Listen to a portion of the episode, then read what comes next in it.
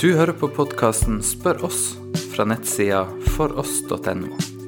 Besøk gjerne nettsida vår. Vi oppdaterer ukentlig med artikler og andre ressurser som omhandler kristen tro. Du kan finne oss på foross.no. Hei, hei, og velkommen til en ny episode av Spør oss. I dag er det jeg, Ingvald André Kårbø, som vil prøve å svare på et spørsmål som jeg får tilsendt om kosthold. Og spørsmålet er som følger. Hei. Jeg lurer på hvordan en som er kristen skal forholde seg til kosthold. Og med det tenker jeg på alternative kosthold som lavkarbo og lignende. Jeg har sjøl fulgt lavkarbo med god helseeffekt, men ser at dette knyttes veldig opp mot alternative miljø. Hva skal jeg tenke om det?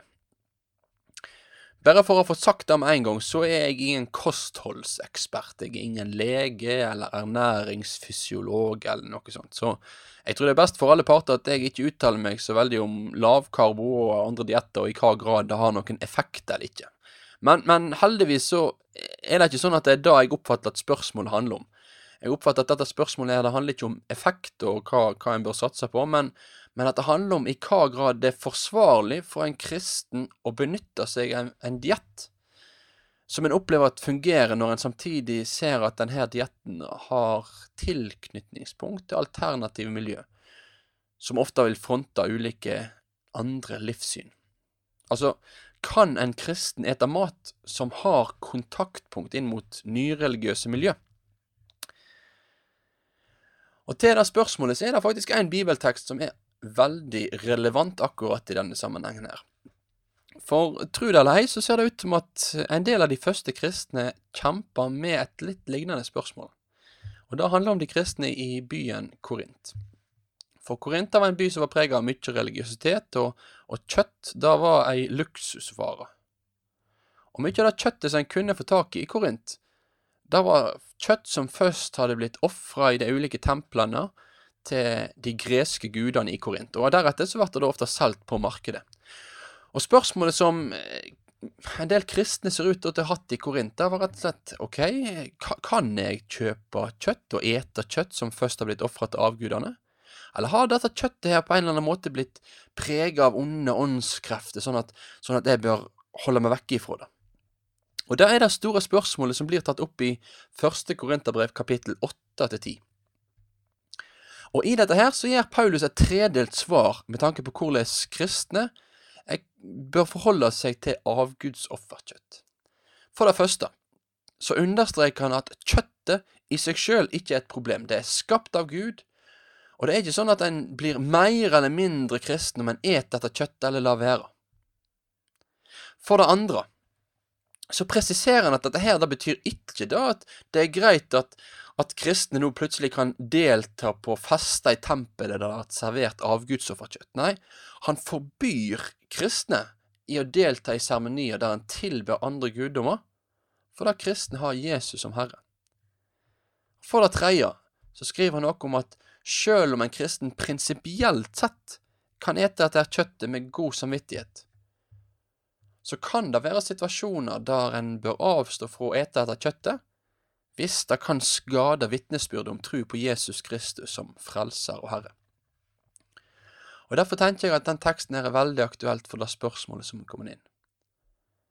Dette er fordi at, at uh, den teksten i første Korinterbrev 8-10 den, den viser oss både en prinsipiell måte å forholde oss til mat, og dermed òg lavkarbo og andre dietter på, samtidig som det viser at denne prinsipielle tankegangen den, den har òg noen fotnoter med seg. På spørsmålet dermed om en kristen kan ete lavkarbodietter vi samtidig kan se at eller følge lavkarbodietter når en samtidig kan se at ok, det, det, er en del alternativ miljø som, som knytter disse diettene til seg, så vil jeg si at ja, en kristen kan absolutt følge en lavkarbodiett. Det er ingen som helst problem. Og Nå vil jeg gi tre bibelvers i første Korinterbrev for å understreke det. Det er første Korinterbrev 8, vers 6. Første del av verset, der står det Men for oss er det én Gud, vår Far. Alt var til av Han, og til Han er vi skapte. To vers seinere, i vers åtte, så står det Men mat fører oss ikke nærmere Gud. Vi vinner ikke noe om vi et, og vi taper ikke noe om vi ikke et.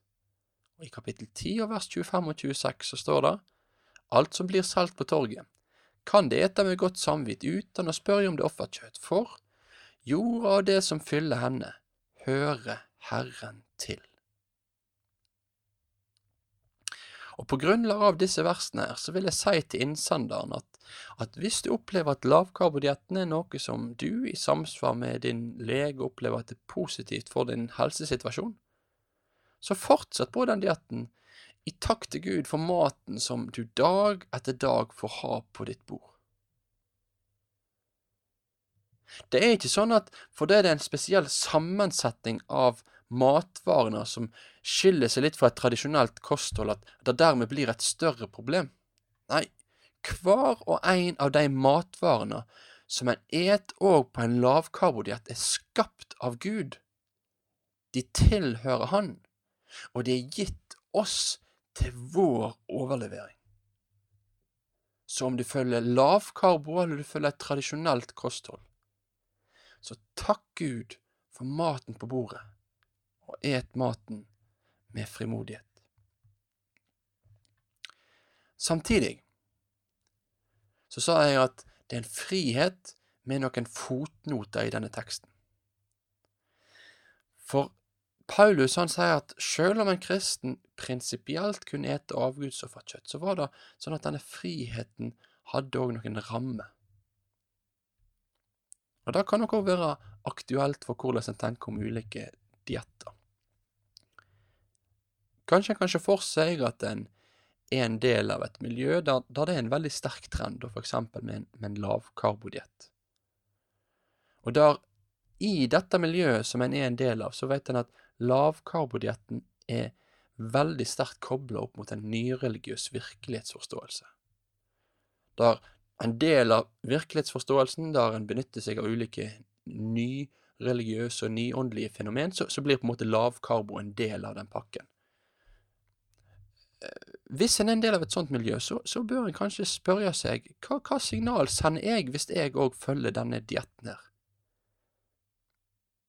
Sender det et signal som kan være til skade for evangeliet, og for at mennesket kan bli kjent med Jesus som, som sin eneste frelser? Ja, hvis det er sånn, så, så er det hensynet til mennesket sin frelse som skal trumfe våre matpreferanser.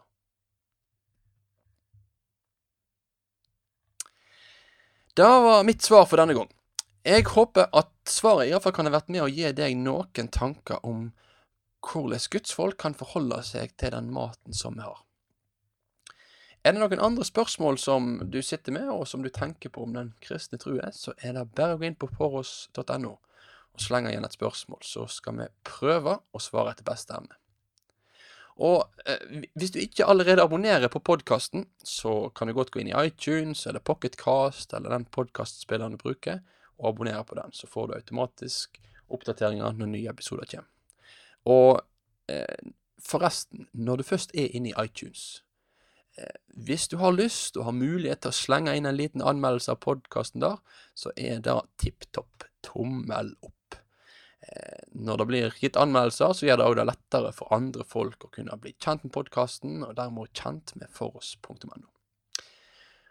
Ha en god dag videre og ei god uke.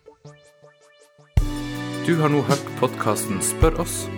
Still flere spørsmål, se andre ressurser, og vær gjerne med å støtte oss på foross.no.